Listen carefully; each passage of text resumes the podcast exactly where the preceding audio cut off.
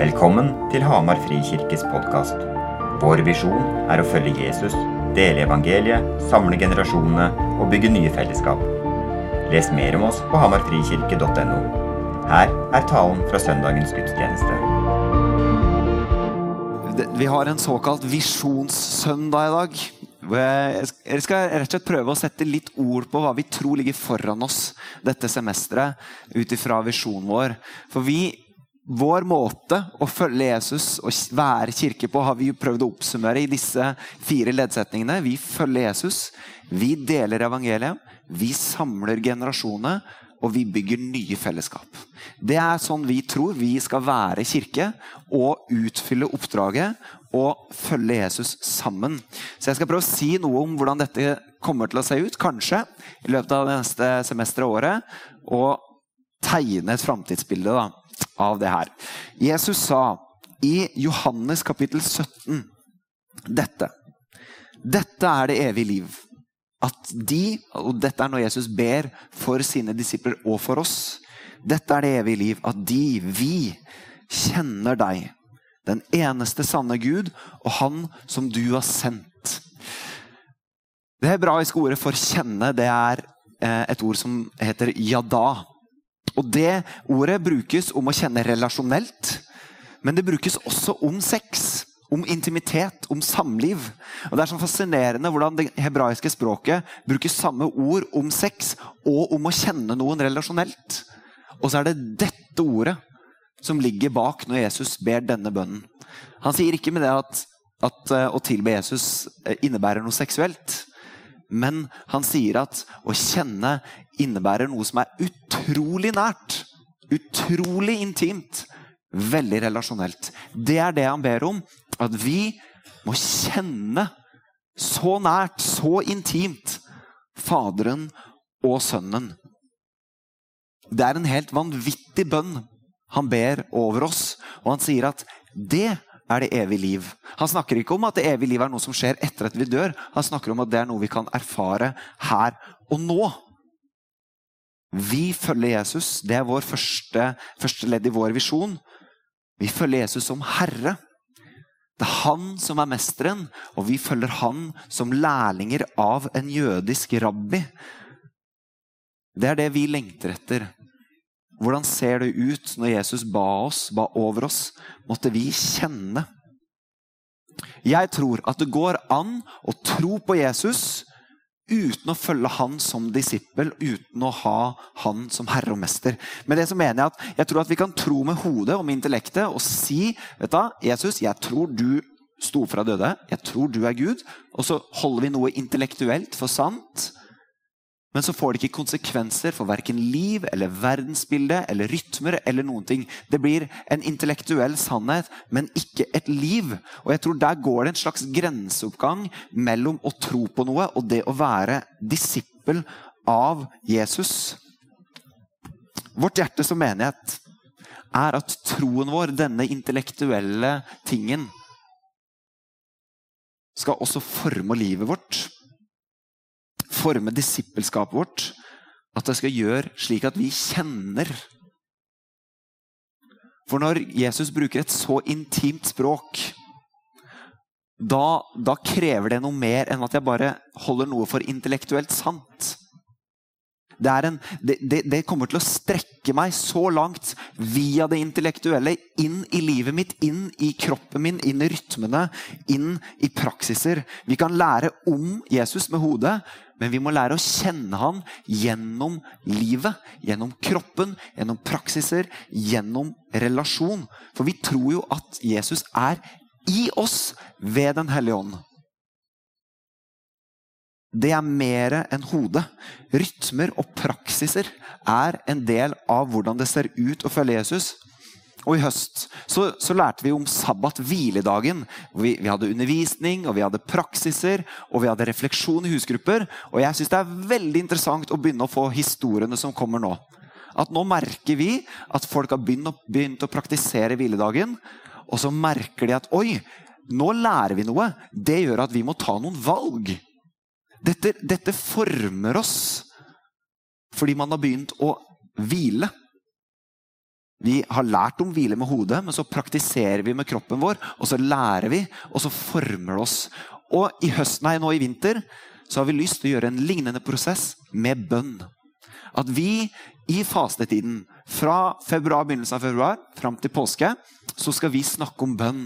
At vi skal praktisere hva bønn er, og vi skal reflektere over hva bønn er. Bønn, dette veldig merkelige og mystiske ordet som bærer med seg så mye håp for noen, som bærer med seg så mye skuffelser for andre, som bærer med seg glede og løfter.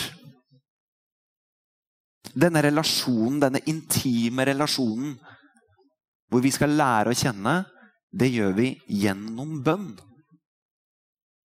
Og hva er nå det? Og det skal vi bruke tida på nå i vinter.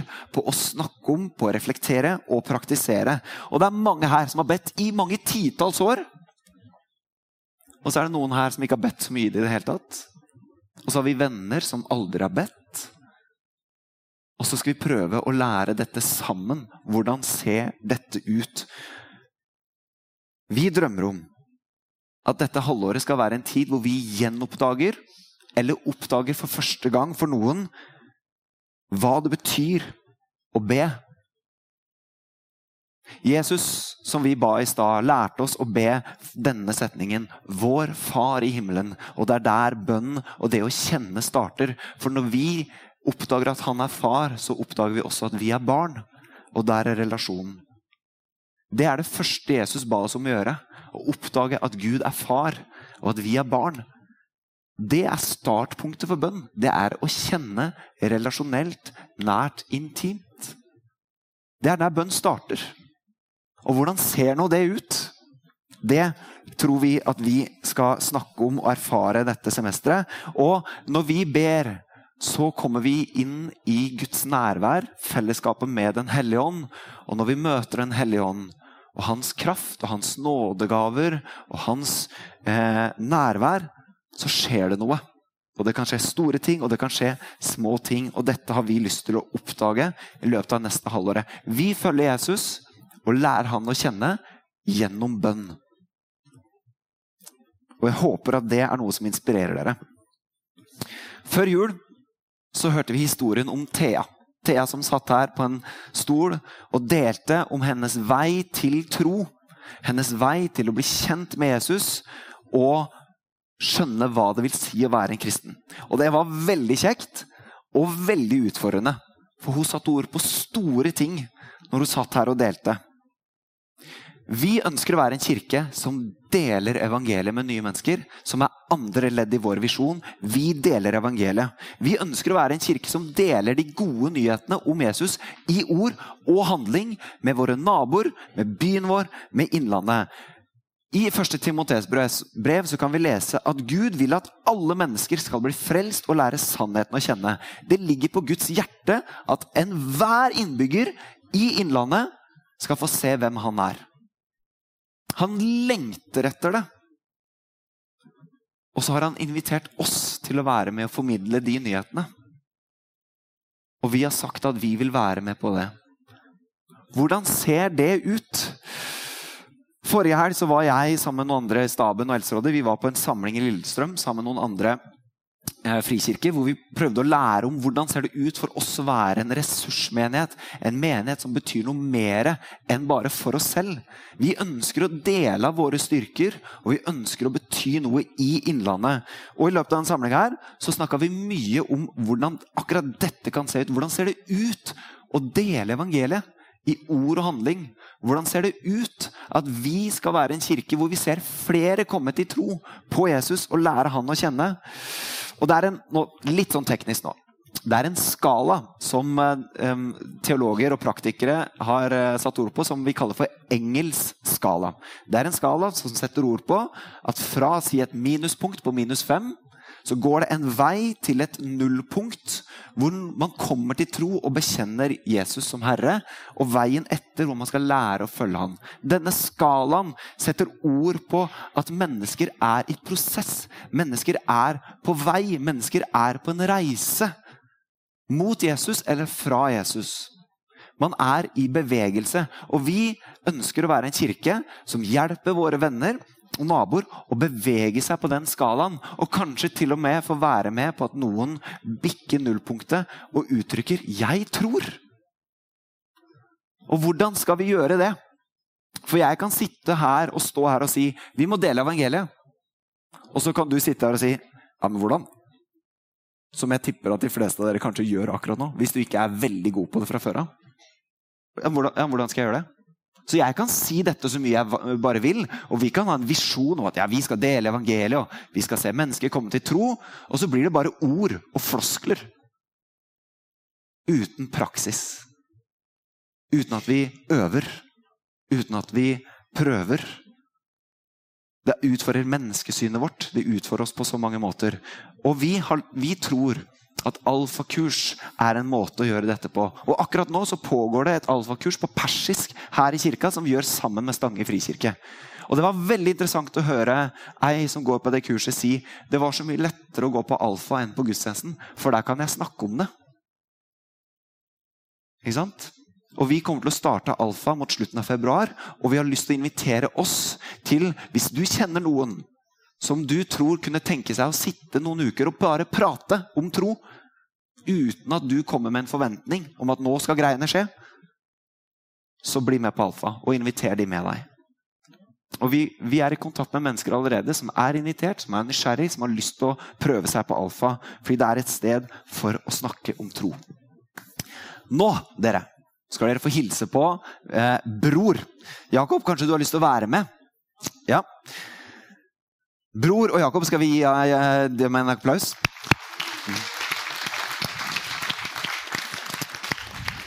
Fordi Du kan bare stå der, bror. Andre ledd i vår visjon det er at vi samler generasjonene. Og bror er min nevø. Og jeg spurte bror Bror, kan du være med litt på scenen og svare på et par spørsmål om kirke. Og da var det først hva er det som er gøy når du kommer i kirka? Og hvem er det det er gøy å treffe? Okay? Så hva er det som er gøy i kirka? Uh, jeg syns det er gøy å leke og være med Anette. Være med Anette? Mm. Og hvem er det det er gøy å treffe, da? Jakob. Jakob? Ja, men jeg er onkel. Han er ikke onkel. Der kan jeg møte nesten alltid. Ja, ja, ja. Ok. Ja. Det Takk. Ja. Det og så har jeg et spørsmål til oss. Bror, hvor gammel, hvor gammel er du nå? Du er ni år. Sant? Og hvor mange år er det før du er 20? Klarer du å tenke deg fram til det? Uh, 11. 11 år.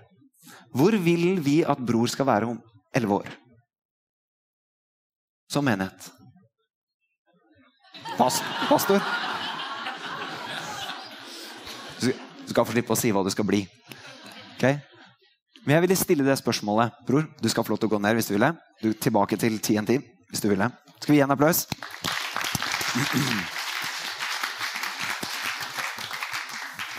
Bror er 11 år.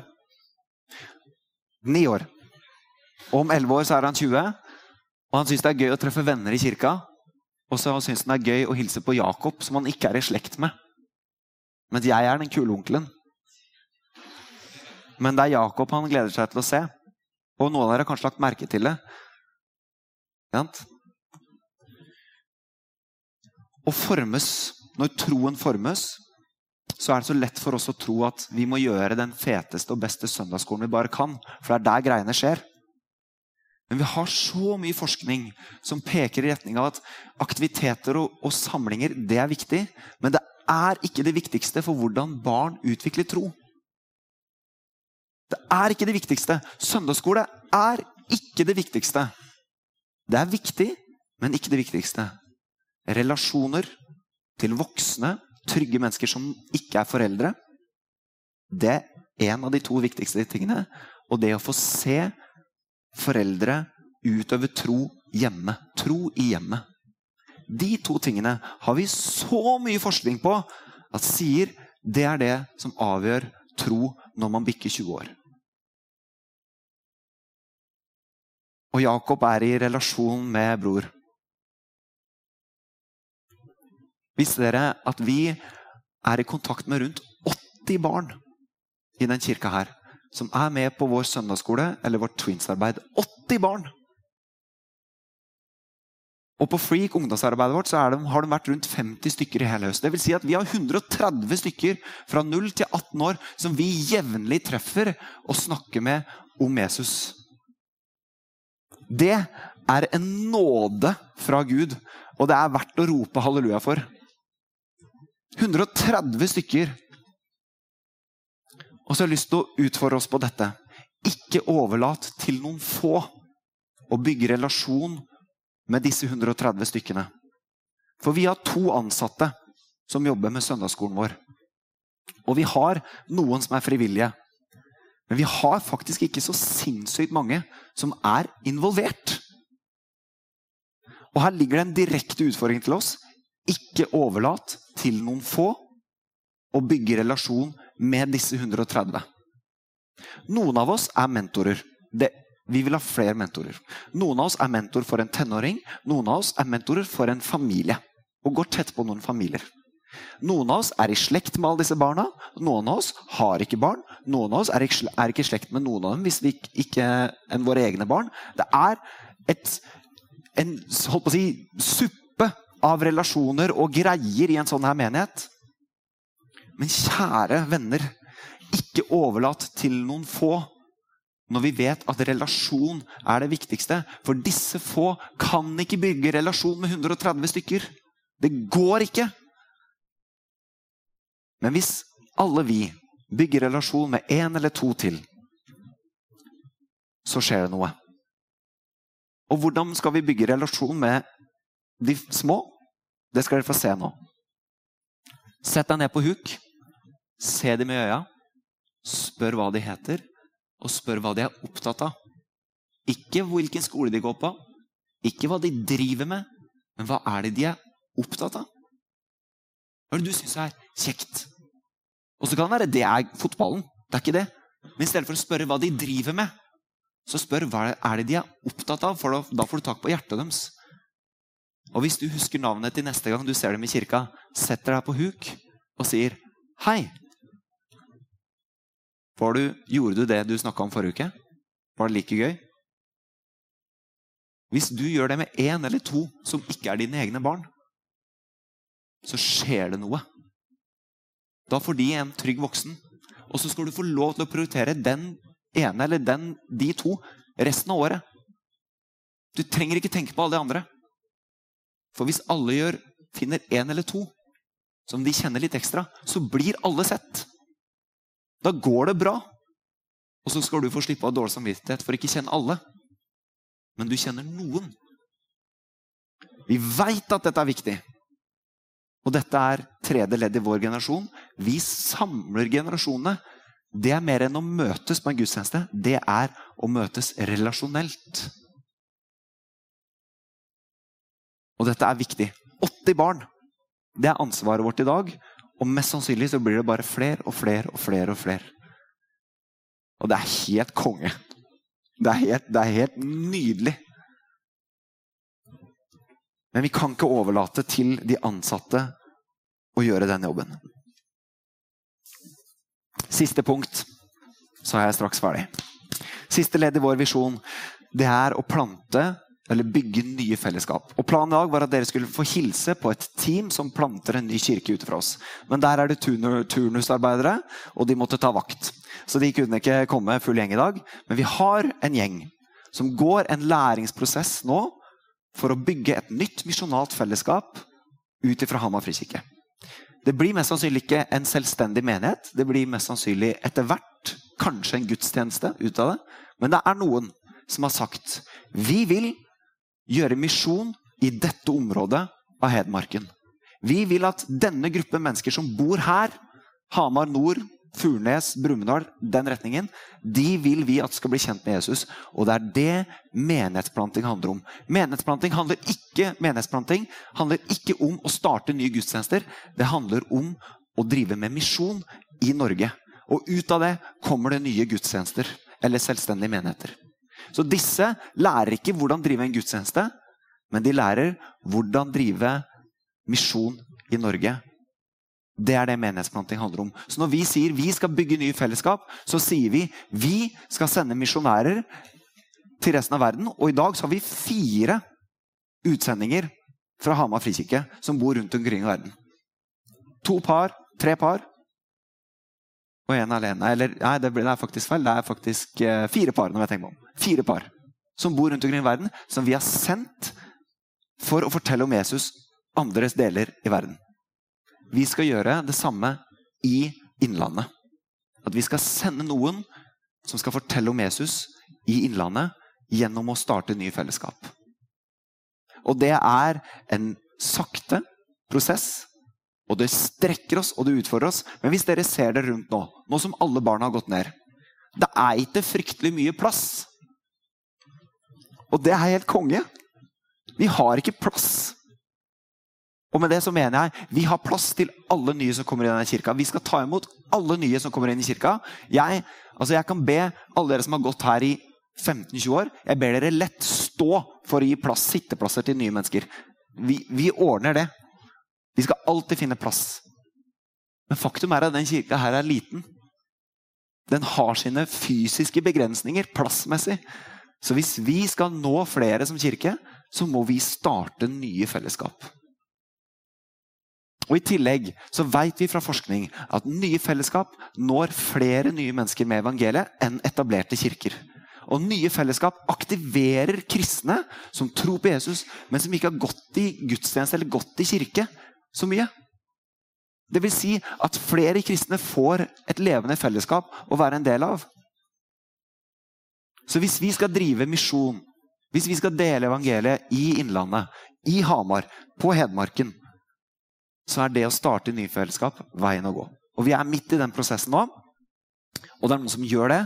Og og det, Dere skal få hilse på dem. Og Trygve, Trygve og Simaren, som leder dette arbeidet, de skal preke i løpet av våren, og dere skal få hilse på dem og bli kjent. Og det, vi, de skal gå sakte frem. Så, så, vi rusher ikke inn i noe, men da veit dere at det er en prosess som pågår for å drive misjon i Norge. I Innlandet, i, på Hedmarken. Vi følger Jesus, vi deler evangeliet, vi samler generasjoner, og vi bygger nye fellesskap. Det skjer så mye. Nå var det, nå var det én ting jeg glemte å si. 7. april, søndag 7. april, første søndag etter påsken, så inviterer vi hele menigheten til en særskilt søndag hvor vi skal snakke om hvordan være kirke på tvers av generasjoner. Hvordan samle generasjonene. Da skal vi, ha, vi skal spise sammen, vi skal feire gudstjeneste sammen. Vi skal ha undervisning og praksiser og litt sånn sammen. Det blir opplegg for barna. Eh, fra 11 til 2-3 ish, så en par-tre timer der, så skal vi være sammen og jobbe veldig konkret med dette. Okay? Så vi har også konkrete planer for hvordan jobbe med ting. Så jeg, jeg snakker ikke bare om inspirerende ting, men det er faktisk konkrete ting som ligger foran oss dette semesteret, som vi kan få være med på for å leve ut den visjonen her. Vi er en menighet som vil så mye. Og um, dere, dere, merker jo sikkert at jeg er engasjert nå, men jeg holder igjen. Um, fordi vi er en uh, luthersk, lettere, litt karismatisk iblant menighet. Så, så, det er liksom ikke bare å ta helt av her. Um, men vi er en menighet som vil mye, og dere har en stab som vil enda mer. Og det er så mye vilje. Og det er så mye hjerte. Og, og, når jeg hører deres historie, når jeg blir kjent, mer bedre kjent med, med, dere og med oss, og hører livene som har blitt levd i den kirka her, og hjertesakene og engasjementene Det er så mye hjerte i det fellesskapet her at jeg blir, jeg blir rørt og ydmyk. Det er, det er, jeg er så stolt over det fellesskapet her, og over hjertelaget som ligger i oss. Og Noe av det driver vi med stab, i staben, og så er det veldig mye av dere som driver med så mye bra arbeid og bra engasjement. Og det er så mange relasjoner som leves i det hverdagslige, i det vanlige. Det er masse vilje. Men alt som skjer av vekst og frukt, er av Guds nåde. Vi kan ikke skryte av noen ting. At vi er her vi er i dag, er ved Guds nåde alene. Vi kan ikke ta æren for noen ting. Så vi må takke Gud for at vi er der vi er som menighet. Vi må takke Gud for engasjementet. Vi må takke Gud for at vi vil mye. Og så må vi fortsette å ville mye i visshet Om at det er Gud som skaper. Det er Gud som gjør greiene. Det er han som skal ha æren. De første kristne, Peter Det ble trøkk og engasjement når de fikk Den hellige ånd. Når ånden blåste over disiplene og apostlene, det var da bevegelsen starta. Vi vil mye, men all vår bevegelse må skje ut ifra at Den hellige ånd gjør noe i oss og skaper noe i oss. Og nå skal vi gjøre det. At Jon Arne og Janne, dere kan bare komme opp. Og så skal vi tilbe Gud i sang og musikk. Og Det er mulighet for å tenne et lys i lysgloben. Det er mulighet for å legge et stein ved korset eller gå til forbønn bak under galleriet. Og så skal vi synge sammen og være i respons. Men før det så skal vi reise oss, og så skal jeg be Den hellige ånd sette oss i bevegelse. Vær så god, reis dere.